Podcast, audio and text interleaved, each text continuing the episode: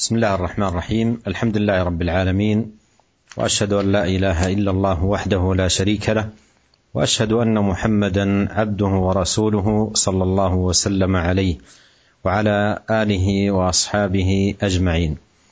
أما بعد لا نزال أيها الإخوة المستمعون الكرام في باب فضل البكاء من خشية الله تعالى وشوقا إليه. وقد أورد المصنف رحمه الله في هذا الباب آيتين من القرآن وطائفة من الأحاديث عن الرسول الكريم عليه الصلاة والسلام. الحديث التاسع من هذه الأحاديث وهو الذي وقفنا عنده في اللقاء السابق. حديث إبراهيم بن عبد الرحمن بن عوف. أن عبد الرحمن بن عوف أتي بطعام وكان صائما. فقال قتل مصعب بن عمير وهو خير مني فلم يوجد له ما يكفن فيه إلا بردة. إن غطي بها رأسه بدت رجلاه وإن غطي بها رجلاه بدا رأسه. ثم بسط لنا من الدنيا ما بسط أو قال أعطينا من الدنيا ما أعطينا وقد خشينا أن تكون حسناتنا عجلت لنا ثم جعل يبكي حتى ترك الطعام رواه البخاري. هذا الحديث فيه البكاء كما هو من هذا الصحابي الجليل عبد الرحمن بن عوف وهو أحد العشرة المبشرين بالجنة. وهم عشرة من الصحابة بشرهم النبي صلى الله عليه وسلم في الجنة في مجلس واحد وفي حديث واحد.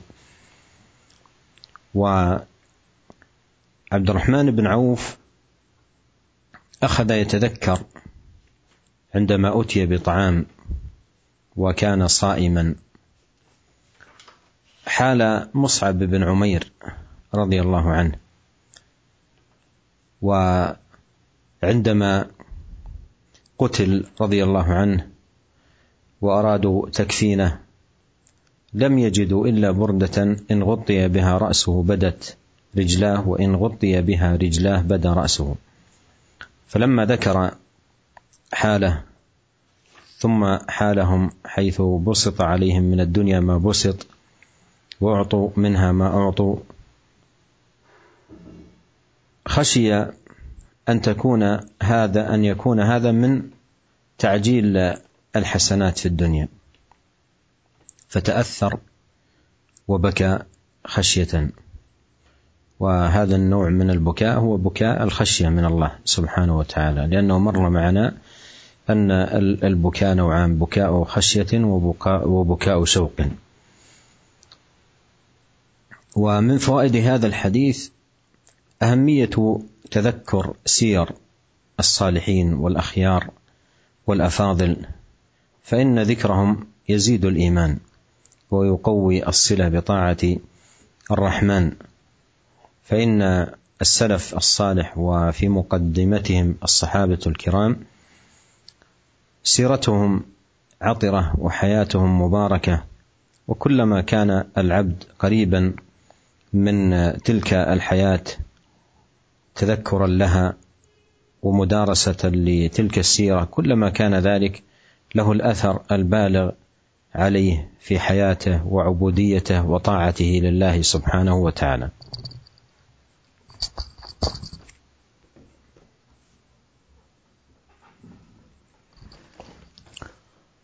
Segala puji bagi Allah, Tuhan semesta alam.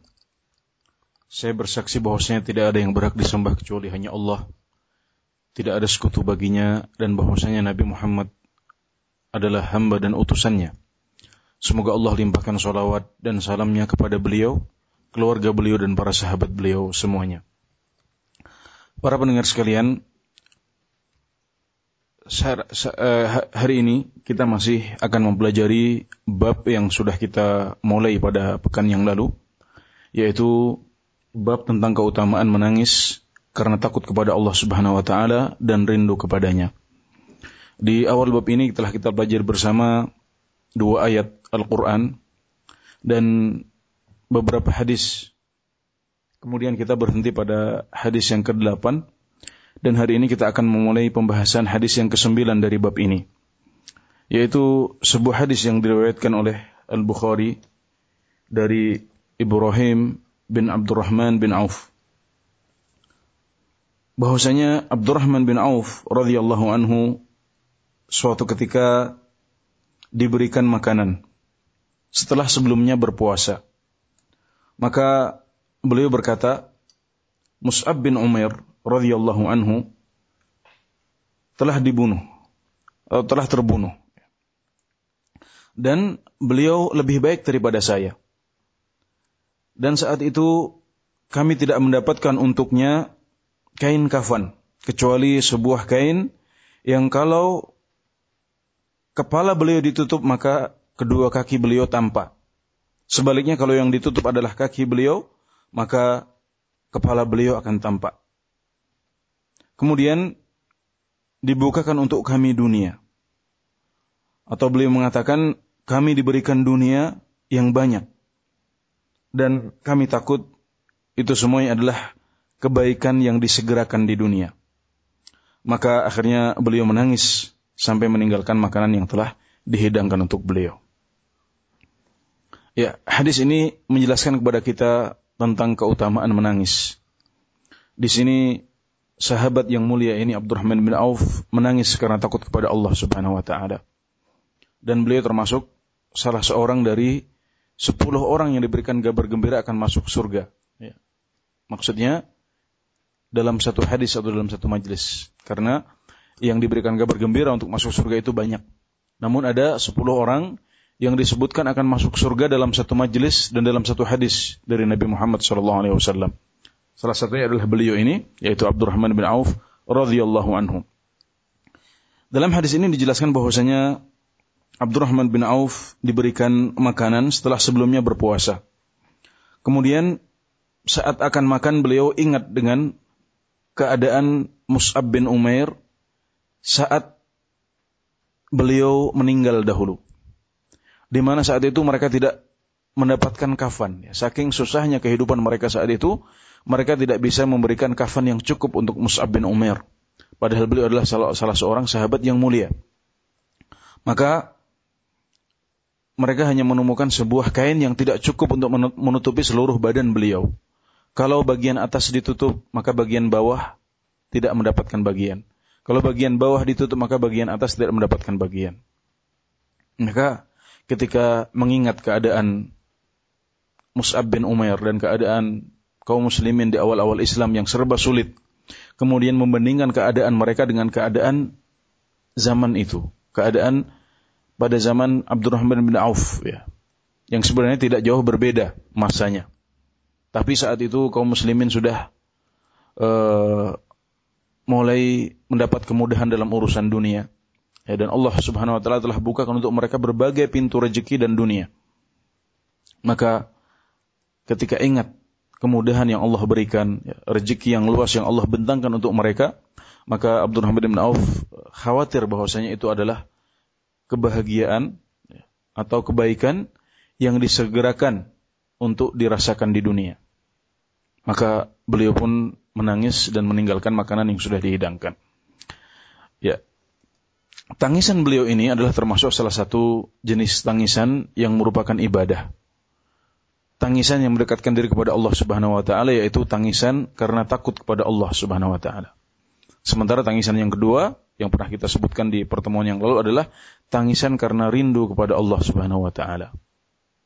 Hadis ini juga menjelaskan bahwasanya mengingat-ingat orang-orang yang baik, ya orang-orang yang memiliki keutamaan itu bisa menambah iman kita dan memperkuat hubungan kita dengan Allah Subhanahu wa taala. Kita mengetahui bahwasanya salafus soleh, generasi awal umat Islam ya, dan terutama para sahabat, mereka memiliki sirah, memiliki sejarah yang luar biasa indah. Yang kalau kita membaca sirah mereka, maka itu akan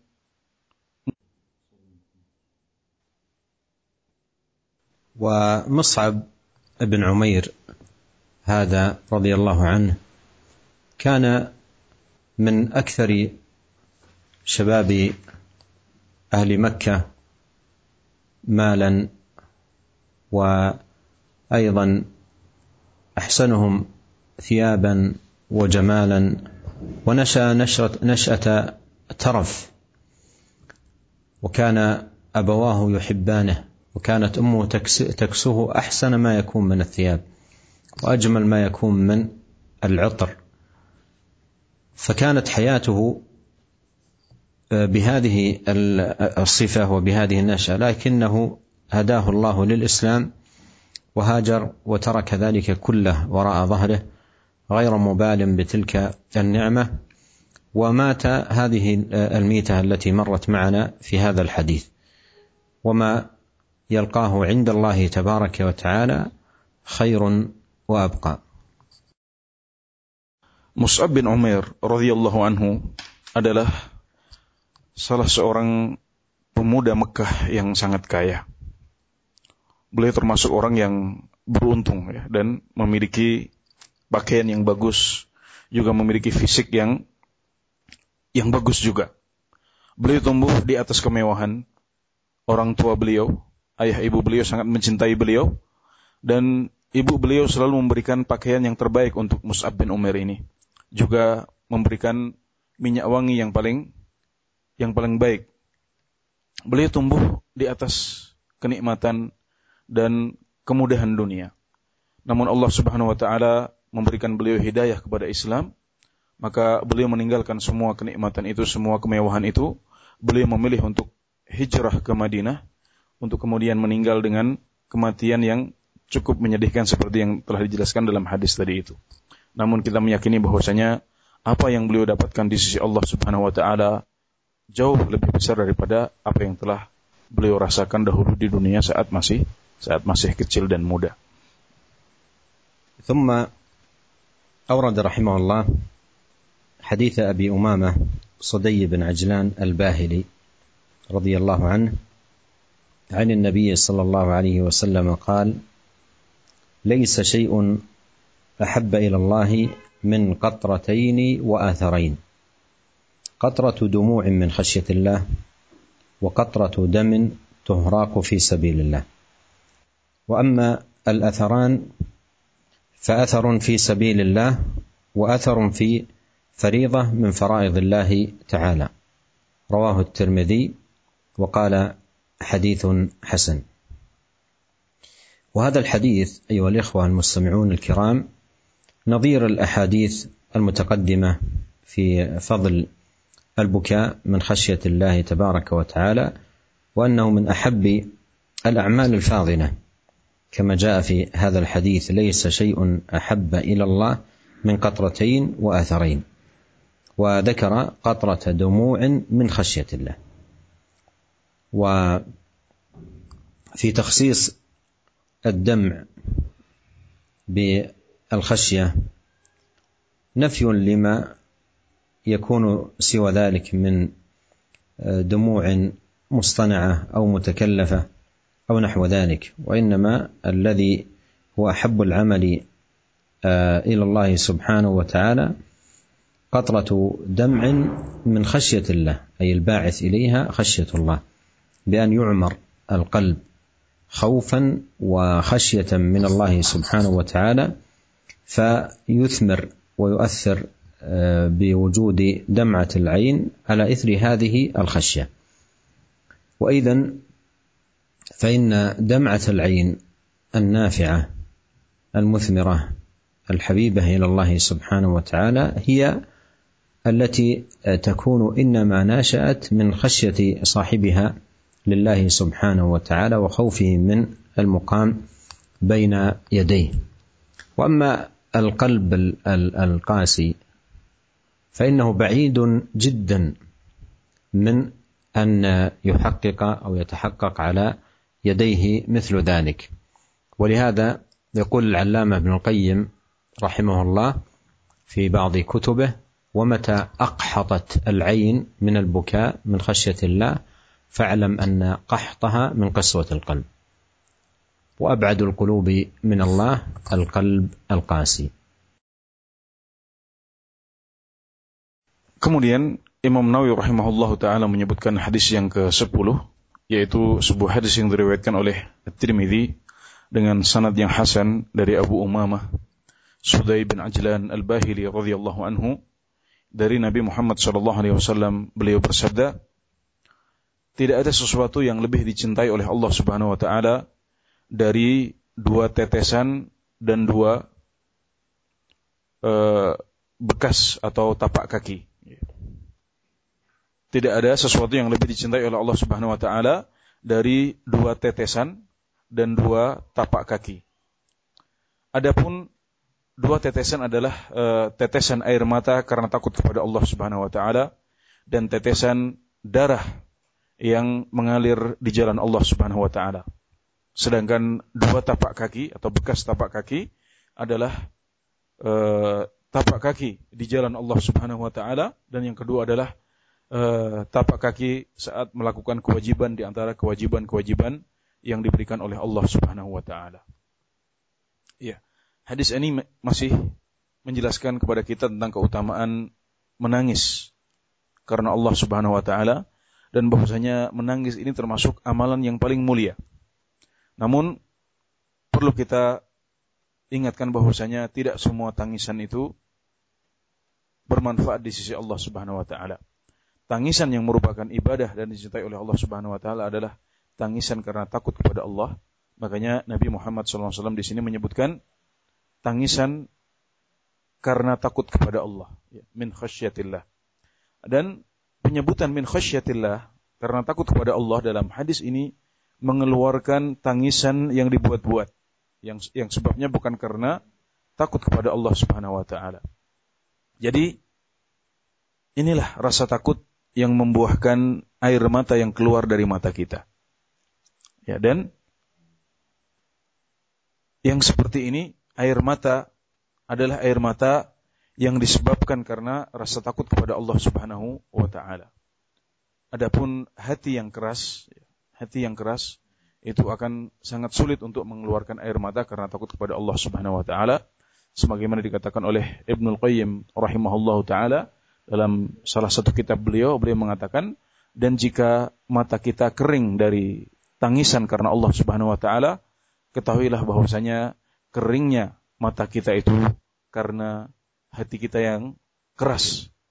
Dan hati yang paling jauh dari Allah Subhanahu wa taala adalah hati yang keras. Demikian perkataan beliau rahimahullah.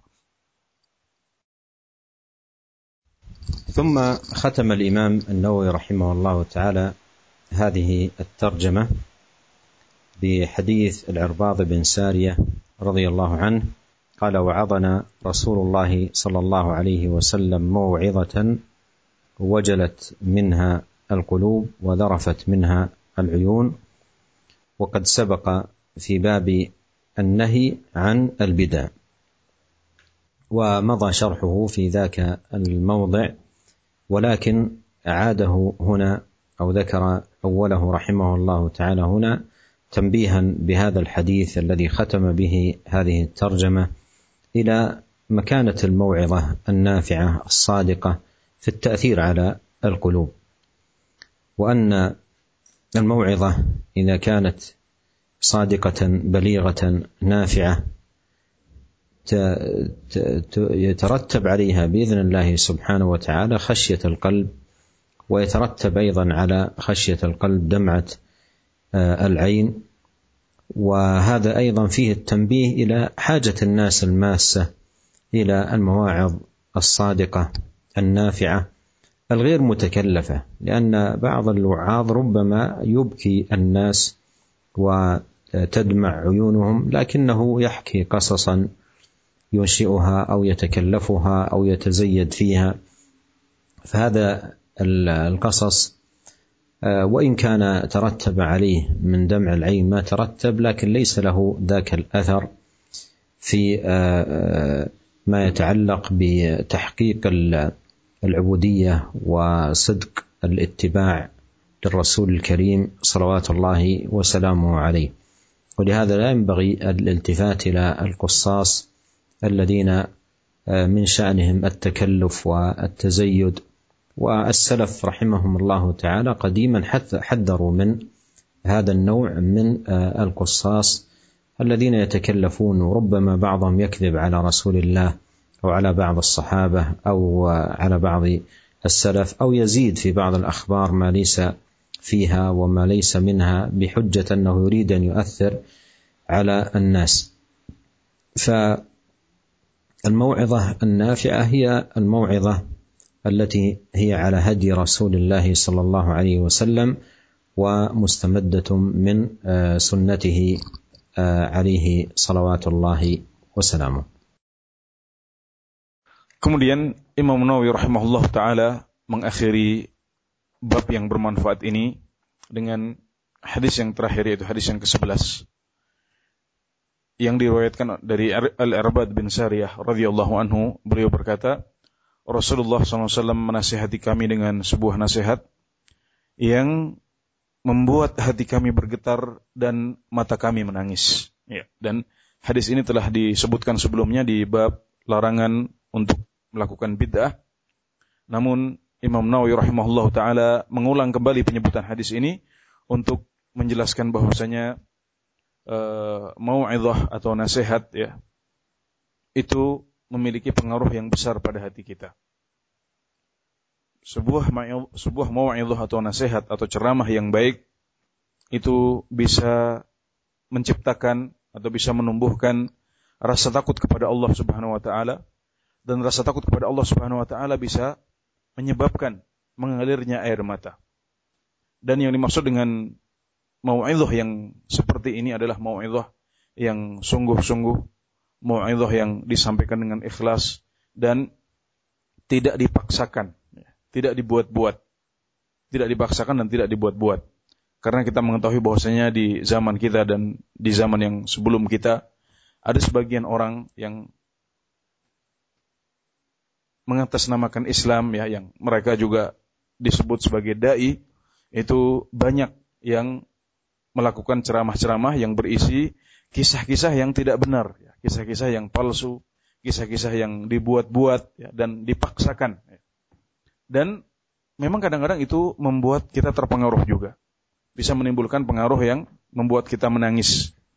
Namun itu tidaklah akan maksimal atau optimal dalam mewujudkan ubudiyah kepada Allah Subhanahu wa taala dan kesungguhan mengikuti sunnah Nabi Muhammad Sallallahu Alaihi Wasallam.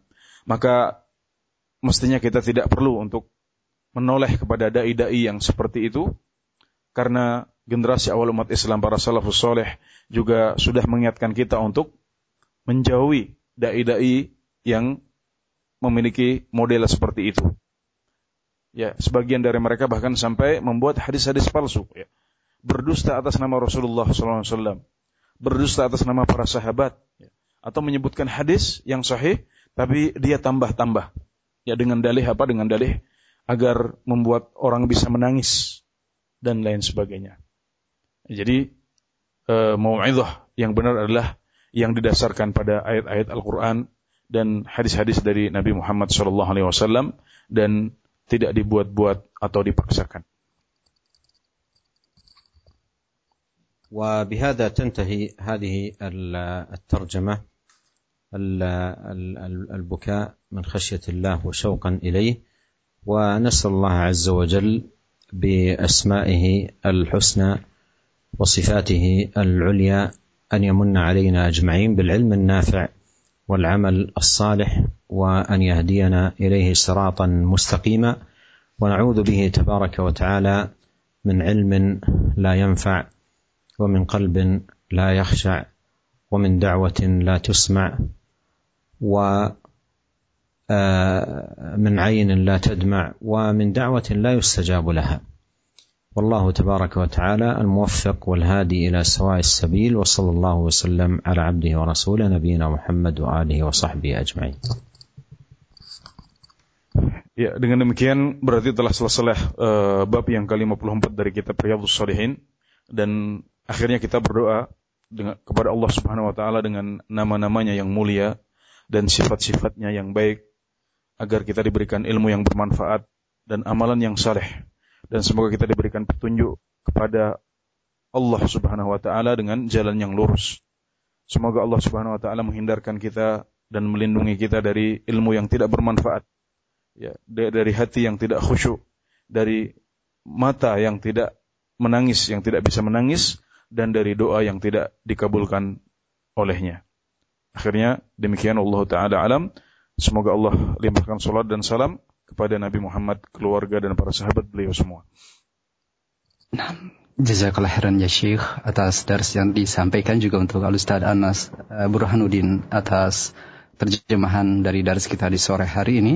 Saudaraku seiman seakidah di mana pun Anda untuk selanjutnya kita memasuki sesi tanya jawab masih uh, terluang eh, waktu bagi kita lebih luas untuk Anda yang akan bertanya kepada Syekh di sore hari ini. Kami berikan kesempatan silakan melalui telepon di 0218236543 atau dengan pesan singkat di 0819896543 dan uh, tentunya kami berharap pertanyaan Anda berkesesuaian dengan uh, tema-tema uh, kita dari kajian syarah Riyadhus Salihin bersama beliau. Kita angkat untuk yang pertama dari telepon.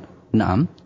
Assalamualaikum Ustaz. Waalaikumsalam warahmatullahi wabarakatuh. Silakan Ibu dari mana? Dari Ambarawa, Jawa Tengah Ustaz. Iya, silakan Ibu. Begini Ustaz, um, saya harus ber, amal saya apa atau mungkin saya harus berbuat baik apa. Dulu pernah saya ini punya utang sama orang. Kalau saya takut utang saya itu belum saya bayar orangnya sudah meninggal. Hmm. dan orangnya itu saya tahu nggak tahu ke mana sekarang. Dan saya suka takut kalau sholat tahajud malam nangis sama Allah. Saya takut azab apa yang mau diberikan buat saya nanti. Iya dan saya harus berbuat apa buat orang yang pernah saya utangi harus beramal soleh apa sama orang yang saya utangi Ustaz baik baik Itu, Ustaz. terima kasih Ibu nah. dari Ustaz. Nah. Assalamualaikum Ustaz. Waalaikumsalam warahmatullahi wabarakatuh terima kasih Ibu yang berada di Ambarawa silahkan Ustaz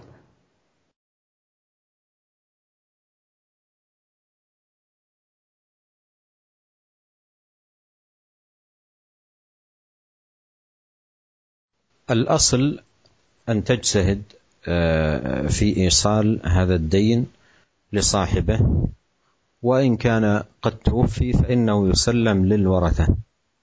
وأما إذا كانت لا تدري من هو ولا أين مكانه ولا علمت من نفسها أنها لا تتمكن من آه، الاهتداء إليه ومعرفته فإنها تتصدق بهذا المال كاملا عن صاحبه تتصدق به للفقراء والمحتاجين عن صاحب المال وأيضا آه، تنوي أنها إن وجدت صاحب المال فيما بعد تعطيه تعطيه هذا المال. Uh, ya, uh, pertanyaan yang pertama dari Ambarawa di Jawa Tengah yaitu tentang uh, apa yang bisa dilakukan agar kita selamat dari akibat hutang yang tidak bisa kita bayarkan karena kita tidak mengetahui di mana tempat orang yang dahulu kita utangi atau intinya sudah tidak jelas lagi di mana orang itu. E, dijawab oleh Syekh bahwasanya hendaklah ibu ya, bersungguh-sungguh dalam mencari kabar tentang orang tersebut. Ya. Jadi dicari dari orang-orang terdekatnya atau orang yang pernah tinggal bersama dia dahulu. Ya.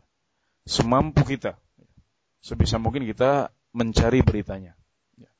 Kalau kita dapatkan beritanya misalnya dan kita ketahui bahwasanya beliau sudah meninggal, maka harta tersebut menjadi hak para pewarisnya. Jadi kita berikan kepada ahli waris yang mewarisi orang tersebut. Adapun kalau setelah kita sungguh-sungguh mencari, kemudian tetap kita tidak menemukan kabar tentangnya, ya, maka hendaklah ibu menyedekahkan harta tersebut semuanya ya, sebanyak utang yang ibu pinjam dari orang itu kemudian disedekahkan di jalan Allah Subhanahu wa taala dengan niat untuk pahalanya untuk orang itu ya. Jadi ini yang perlu dilakukan dan jika nanti suatu saat ketemu dengan orang tersebut maka kita niatkan untuk mengembalikannya utuh sebagaimana dahulu kita pinjam. Ya inilah yang yang bisa dilakukan oleh ibu agar uh, selamat dari tanggung jawab yang uh, tidak jelas ini ya. Nah, Terima kasih kepada Fadilatul Syekh dan demikian untuk ibu yang berada di Ambarawa semoga bermanfaat. Kita angkat untuk yang kedua masih dari telepon sudah ada Ibu Iyut di Singkawang, Kalimantan Barat. Silakan Ibu. Ya, Assalamualaikum Pak Ustadz. Waalaikumsalam warahmatullahi wabarakatuh. Silakan. Uh, saya ingin bertanya karena biasanya saya saya punya anak mungkin uh, pernah melalaikan ibadah. Terus saya mendengar berita begitu, saya langsung menangis dalam sholat tahajud. Apakah perbuatan saya itu termasuk bid'ah? Mohon maaf, Ibu bisa diulang uh, terkait dengan kabar tentang anak Ibu uh, dalam hal apa? Mohon mungkin diperjelas. Uh, misalnya saya mendengar anak saya pernah melalaikan ibadah. Iya. Terus saya sedih, lalu mm. saya pada saat sholat tahajud saya sering menangis dan mendoakan oh, iya. mm. dia supaya sadar. Mm. Apakah menangis itu termasuk ibadah atau termasuk bid'ah? iya. Baik. Atau doa apa saja supaya anak saya bisa kembali ke jalan yang benar. Oh iya baik. Terima kasih Ibu atas interaksi Ibu. Nam. Assalamualaikum warahmatullahi wabarakatuh. Waalaikumsalam warahmatullahi wabarakatuh. Terima kasih Ibu. Silahkan Ustaz. حرص المسلم على ولده وهدايته واستقامته وشفقته عليه هذا كله من القرب التي يتقرب بها إلى الله سبحانه وتعالى ومما أمر به المسلم. يا أيها الذين آمنوا قوا أنفسكم وأهليكم نارا. وإذا تذكر الأب أو تذكرت الأم الوعيد والتهديد وذكر النار. ورأت من ولدها تضييع الفرائض وارتكابا لما يوجب سخط الله فأدركتها الشفقة وبكت وتأثرت ودعت. فإن هذا من جملة عملها الصالح وتقربها إلى الله ومناجاتها له. وليس هذا من الاصطناع وإنما هو من آه، الشفقة التي في قلب الأم خاصة آه، على ولدها وخوفها عليه من غضب الله وسخطه وعقابه. ومن آه، الأمور المطلوبة منها أن تكثر لولدها من تكثر من الدعاء لولدها أن يهديه الله وأن يصلحه وأن يرده إلى الحق ردا جميلا وأن يعيذه من الفتن وشر نفسه وشر قرناء السوء تدعو لولدها وأيضا تعمل على مناصحته وتذكيره بين وقت وآخر بالله وبعقابه وتخوفه بالله سبحانه وتعالى ولا تيأس ولتعلم أن الهداية بيد الله فالذي عليها هو بذل السبب والدعاء والهداية بيد الله سبحانه وتعالى Iya, selanjutnya pertanyaan dari Ibu Iyut di Singkawang, Kalimantan Barat yang bertanya tentang uh, hukum menangis karena ingat anak yang kadang-kadang melalaikan ibadah ya. Menangis dalam sholat, dalam doa kita, apakah itu termasuk e, menangis karena Allah Subhanahu Wa Taala atau menangis yang e, dibuat-buat dan dilarang dalam agama kita?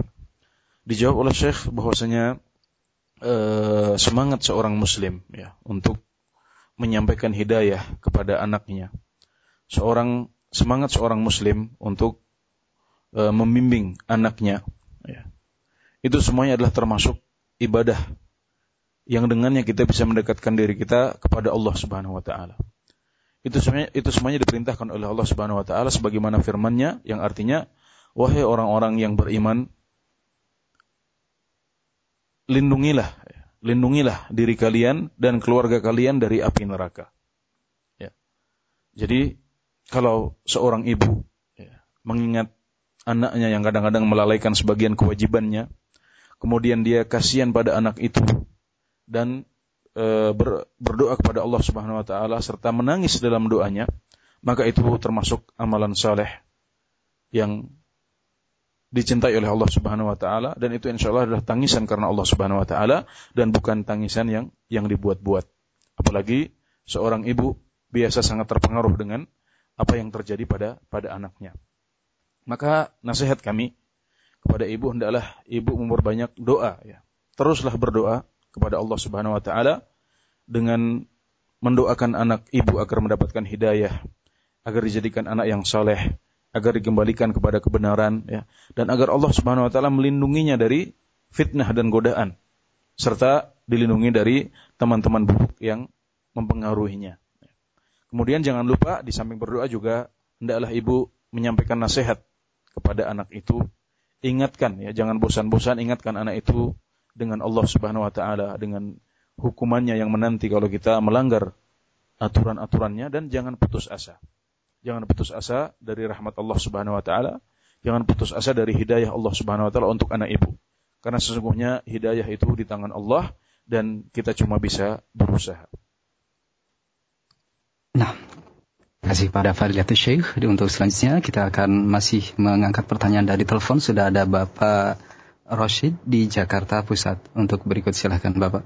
Assalamualaikum Pak Ustadz. Waalaikumsalam warahmatullahi wabarakatuh. Uh, begini Pak Ustadz, apakah kadar takwa kita masih tipis sehingga tidak bisa untuk menangis hmm. takut kepada Allah. Uh, padahal kita sudah menyadari perbuatan dosa kita di masa lalu dan bertekad untuk tidak mengulangi. Hmm. Itu aja pertanyaannya. Terima kasih. Assalamualaikum warahmatullahi wabarakatuh. Waalaikumsalam warahmatullahi wabarakatuh. Terima kasih kembali untuk Bapak Rashid atas uh, pertanyaannya. Silahkan. مر معنا عبارة ابن القيم رحمه الله تعالى في حيث ذكر أن قحط العين من الدمع. راجع إلى حال القلب وضعف ما فيه من الخشية لله سبحانه وتعالى. وعلى كل ينبغي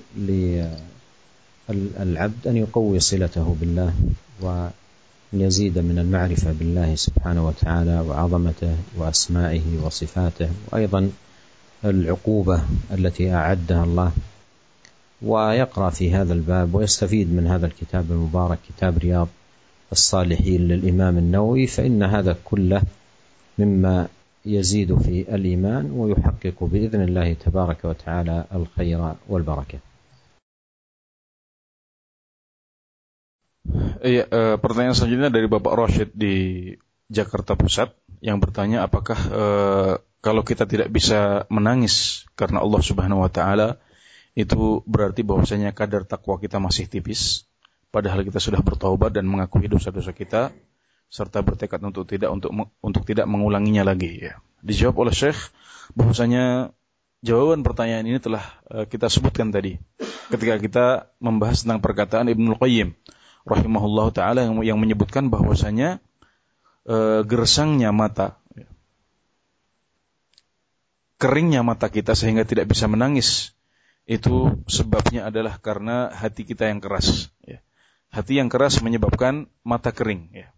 dan hati yang keras itu menunjukkan lemahnya iman yang ada di situ artinya menunjukkan lemahnya iman dan khosyah kita yang ada di hati kita Ya, e, pokoknya hendaklah kalau kita merasakan hal seperti itu, kita berusaha untuk memperkuat hubungan kita dengan Allah Subhanahu wa taala, berusaha untuk mengingat Allah ya dan mengagungkannya dengan asmanya, dengan nama-namanya yang mulia, dengan sifat-sifatnya yang yang agung ya. serta mengingat hukuman dan azab dari Allah Subhanahu wa taala dan salah satu sebab yang bisa membuat kita memiliki hati yang lembut, memiliki rasa takut yang besar adalah terus mempelajari kitab Riyadhus Shalihin ini yang dikarang oleh Imam Nawawi dan di dalamnya ada banyak sekali ayat-ayat dan hadis-hadis yang insya Allah akan bisa menambah iman kita dan membuat hati kita menjadi lembut.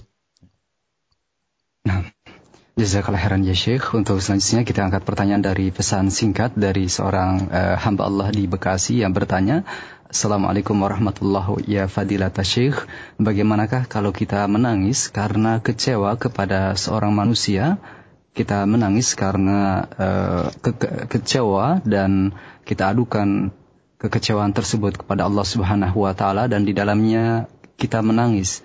Apakah tangisan tersebut diperbolehkan atau kita malah uh, berdosa terhadap uh, kondisi ini? Mohon penjelasan dan nasihat dari Syekh jazakallahu khairan.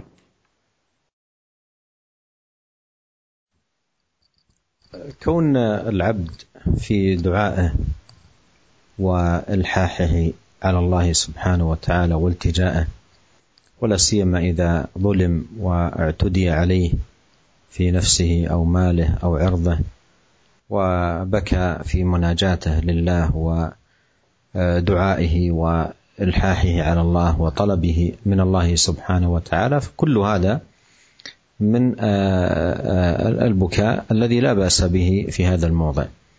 لأنه آه، بكاء في مقام آه، الإلحاح والضراعة آه، إلى الله والطمع فيما عنده سبحانه وتعالى.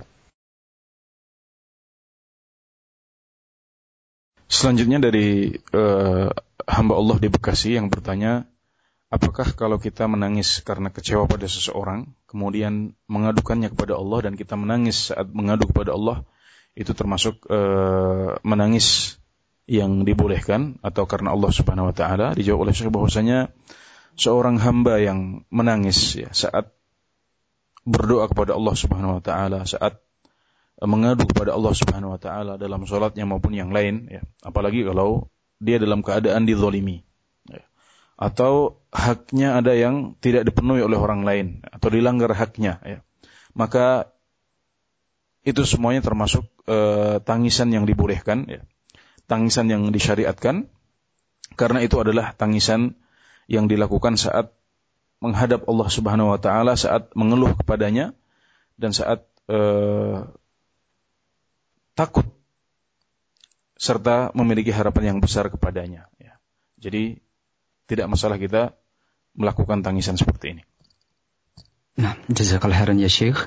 Dari pesan singkat kembali untuk selanjutnya dari uh, saudari Salamah di Sumatera Utara yang bertanya, Assalamualaikum warahmatullahi wabarakatuh Syekh. Apakah dibenarkan kita uh, khususnya wanita muslimah menangis karena rindu sholat atau perkara lainnya ketika wanita uh, muslimah ada udzur syar'i semisal haid? Mohon uh, penjelasan dan nasihat Syekh. Jazakallah khairan.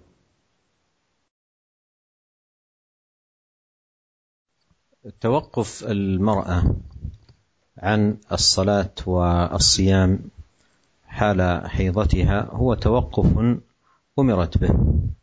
ولو أنها أدت العبادة في هذه الفترة لم تكن مقبولة لأنها على غير غير هدي النبي الكريم عليه الصلاة والسلام. قد قال من عمل عملا ليس عليه أمرنا فهو رد.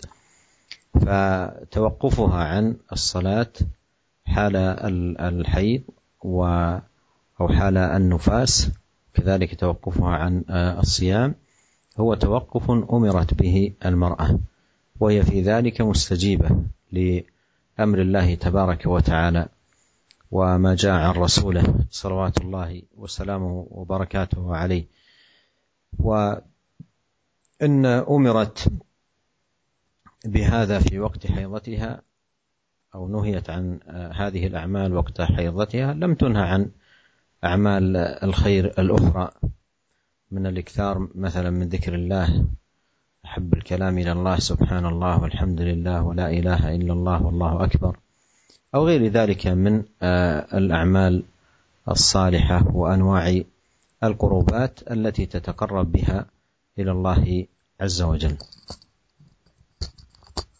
Iya, selanjutnya dari saudari Salamah di Sumatera Utara yang bertanya apakah e, dibolehkan bagi seorang wanita untuk menangis karena rindu akan sebagian ibadah yang tidak bisa mereka lakukan saat sedang haid. Ya. Dijawab oleh Syekh bahwasanya berhentinya seorang wanita dari ibadah tertentu ya, itu adalah berhenti karena perintah. Ya.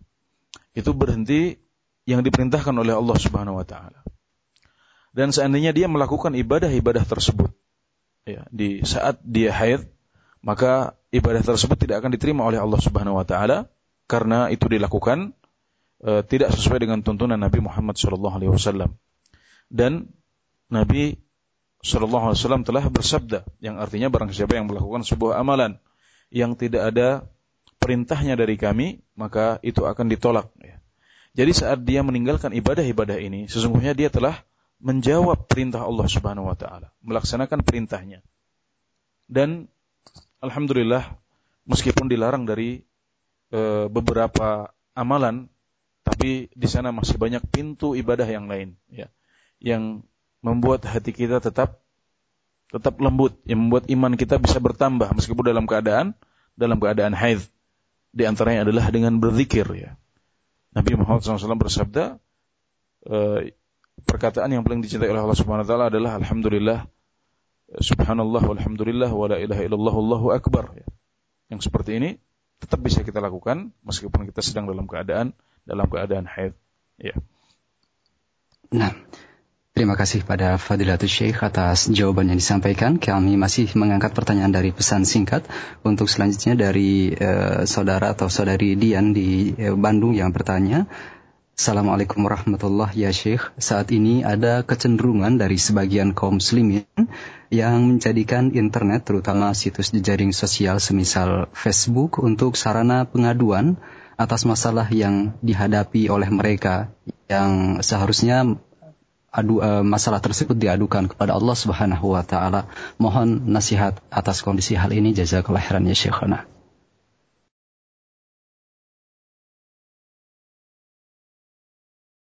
قال الله سبحانه وتعالى في القرآن الكريم فيما ذكره عن نبيه يعقوب عليه السلام عند ذكر مصابه الجلل بفقد ولده وقرة عينه يوسف عليه السلام ثم فقد آه، أبناء آخرين له. قال إنما أشكو بثي وحزني إلى الله.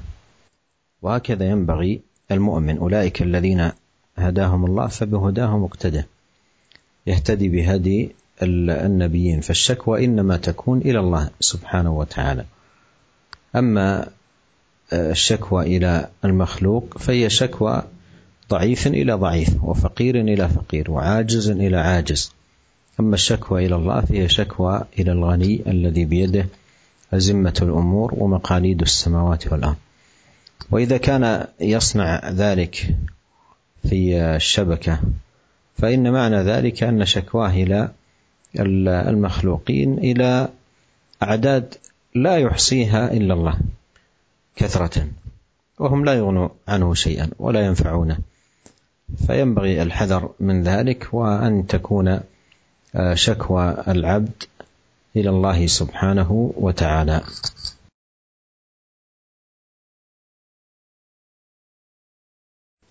Selanjutnya pertanyaan dari Ibu Dian atau saudari Dian di Bandung yang bertanya tentang kebiasaan sebagian orang yang di zaman kita ini e, lebih suka untuk e, curhat atau untuk mengeluh ya di jejaring sosial di Facebook, Twitter atau yang lain ya.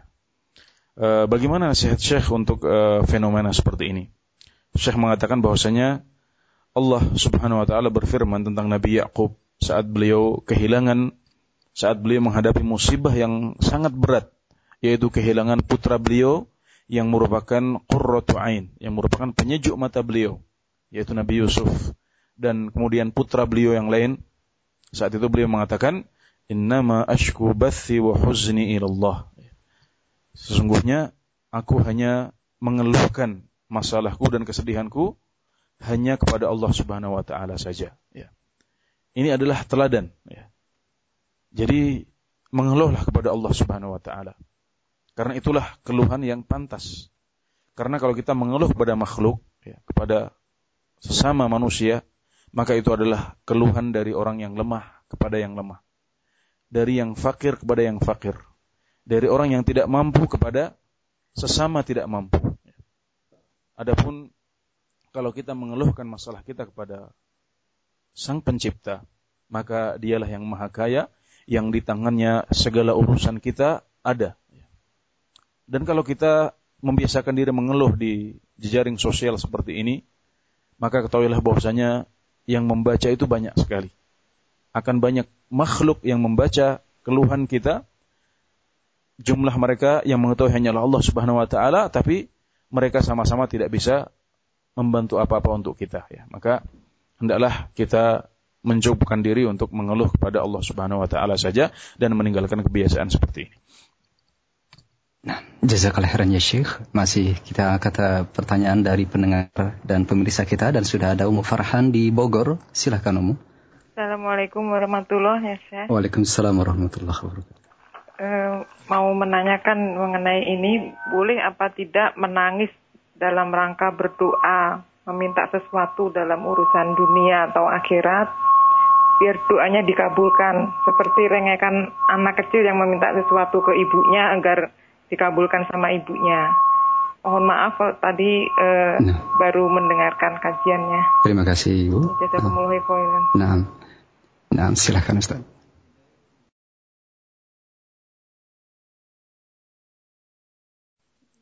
عندما يدعو العبد الله عز وجل ويضرع اليه ويلح عليه ويرق قلبه بين يدي الله تبارك وتعالى ويخشع قلبه فتدمع عينه أو يحصل شيئا من هذه المعاني دون أن يتكلف ذلك فالمرجو إن شاء الله أن يكون ذلك من أسباب الإجابة والقبول. Iya, pertanyaan selanjutnya dari Ummu Farhan di Bogor tentang uh, hukum menangis saat kita berdoa ya, kepada Allah Subhanahu wa taala untuk meminta urusan dunia atau akhirat, untuk meminta kemudahan dunia atau akhirat. Seperti arangekan seorang anak kepada ibunya ya. Dijawab oleh Syekh bahwasanya kalau seseorang berdoa kepada Allah Subhanahu wa taala kemudian uh, hatinya menjadi lemah ya, menjadi lemah dan khusyuk sehingga kemudian uh, air mata mengalir dari matanya ya, karena berdoa dan meminta kepada Allah Subhanahu wa taala ya. Dan itu terjadi tanpa dibuat-buat ya, tanpa dipaksakan ya. Maka kita berharap itu semuanya insya Allah termasuk sebab dikabulkannya doa ya. Jadi hal ini dibolehkan dan insya Allah merupakan salah satu amalan yang yang terpuji. Ya, demikian. Jazakallah khairan ya Syekh. Kita masih angkat dari telepon dan sudah ada Umu Ahsan di Bekasi. Silakan. Assalamualaikum. Waalaikumsalam warahmatullah. Ya Syekh, uh, kami uh, terkadang lewat radio ini ustaz, para ustadz itu suka mendakwah tentang menjelaskan tentang dahsyatnya neraka. Uh, dari situ kami suka menangis ya, uh, apa mengingat apa betapa dahsyatnya neraka itu. Lalu yang lalu kadang uh, Ustaz ini suka men, apa menjelaskan juga tentang nikmatnya surga. Kami pun berdoa hingga menangis begitu ingin dimasukkan Allah masuk ke surga begitu Iya. Lalu bagaimana dengan tangisan tersebut ya? Demikian, jazakumullahu khairan. Assalamualaikum. Waalaikumsalam warahmatullahi wabarakatuh. Terima kasih Ibu atas interaksinya. Silakan Ustaz.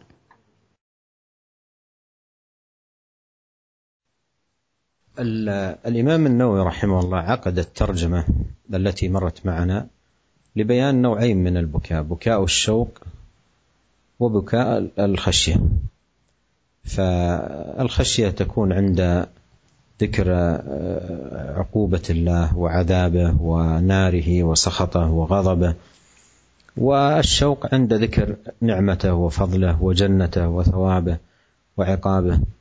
فإن الترغيب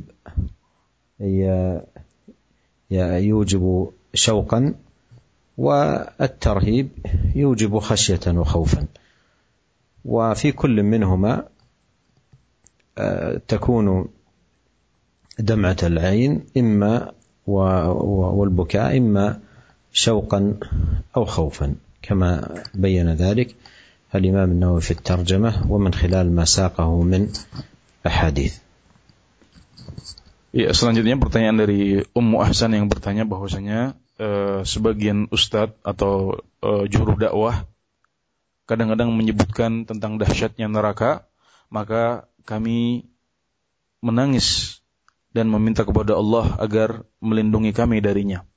Kadang-kadang mereka menyebutkan nikmat surga yang luar biasa besar, maka kami pun e, berdoa dan menangis kepada Allah Subhanahu wa taala agar dimasukkan ke ke dalam surga tersebut. Maka seperti apa hukum tangisan seperti ini?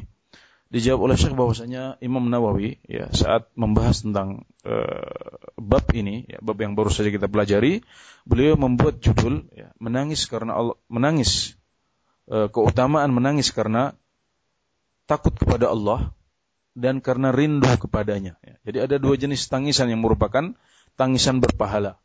Yang pertama adalah karena takut kepada Allah Subhanahu wa taala dan itu terjadi ketika kita mengingat hukuman dari Allah, mengingat neraka, mengingat uh, kemurkaan dan uh, amarah Allah Subhanahu wa taala dan ini disebut tarhib ya. Tarhib menimbulkan rasa takut bagi kita. Sedangkan yang kedua adalah menangis karena rindu kepada Allah.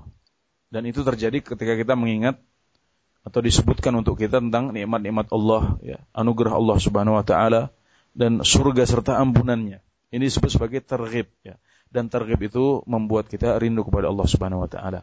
Jadi kalau kita menangis karena dua hal ini, maka itu insya Allah adalah tangisan karena karena Allah Subhanahu wa taala yang e, di balik itu ada pahala yang besar dari Allah Subhanahu wa taala.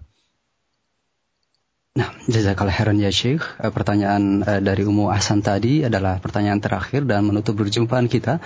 Mungkin di akhir acara ada ikhtitam eh, dari Syekh. Falitafadhal. في ختام هذا اللقاء أسأل الله عز وجل لنا أجمعين التوفيق والسداد والعون على كل خير وأن يعيذنا من شرور أنفسنا وسيئات أعمالنا و أن يهدينا إليه صراطا مستقيما إنه سميع الدعاء وهو أهل الرجاء وهو حسبنا ونعم الوكيل وصلى الله وسلم على عبده ورسوله نبينا محمد وآله وصحبه أجمعين والسلام عليكم ورحمة الله وبركاته. وعليكم السلام ورحمة الله وبركاته جزاك الله خيرا يا شيخ. آه، آه، di akhir kajian kita ini kita berdoa kepada Allah Subhanahu wa taala dengan آه، nama-namanya yang baik dan sifat-sifatnya yang uh, mulia agar kita diberikan taufik dan petunjuk serta pertolongan untuk setiap kebaikan. Dan semoga kita dilindungi dari keburukan diri kita dan dari kejahatan diri kita dan keburukan amalan kita. Dan diberikan petunjuk kepada jalan yang lurus. Sesungguhnya dialah yang maha menjawab doa kita dan dialah harapan kita dan tempat kita bertawakal. Akhirnya semoga Allah limpahkan sholat dan salam kepada keluarga kepada Nabi Muhammad, keluarga beliau dan para sahabat beliau. Dan akhirnya Assalamualaikum warahmatullahi wabarakatuh.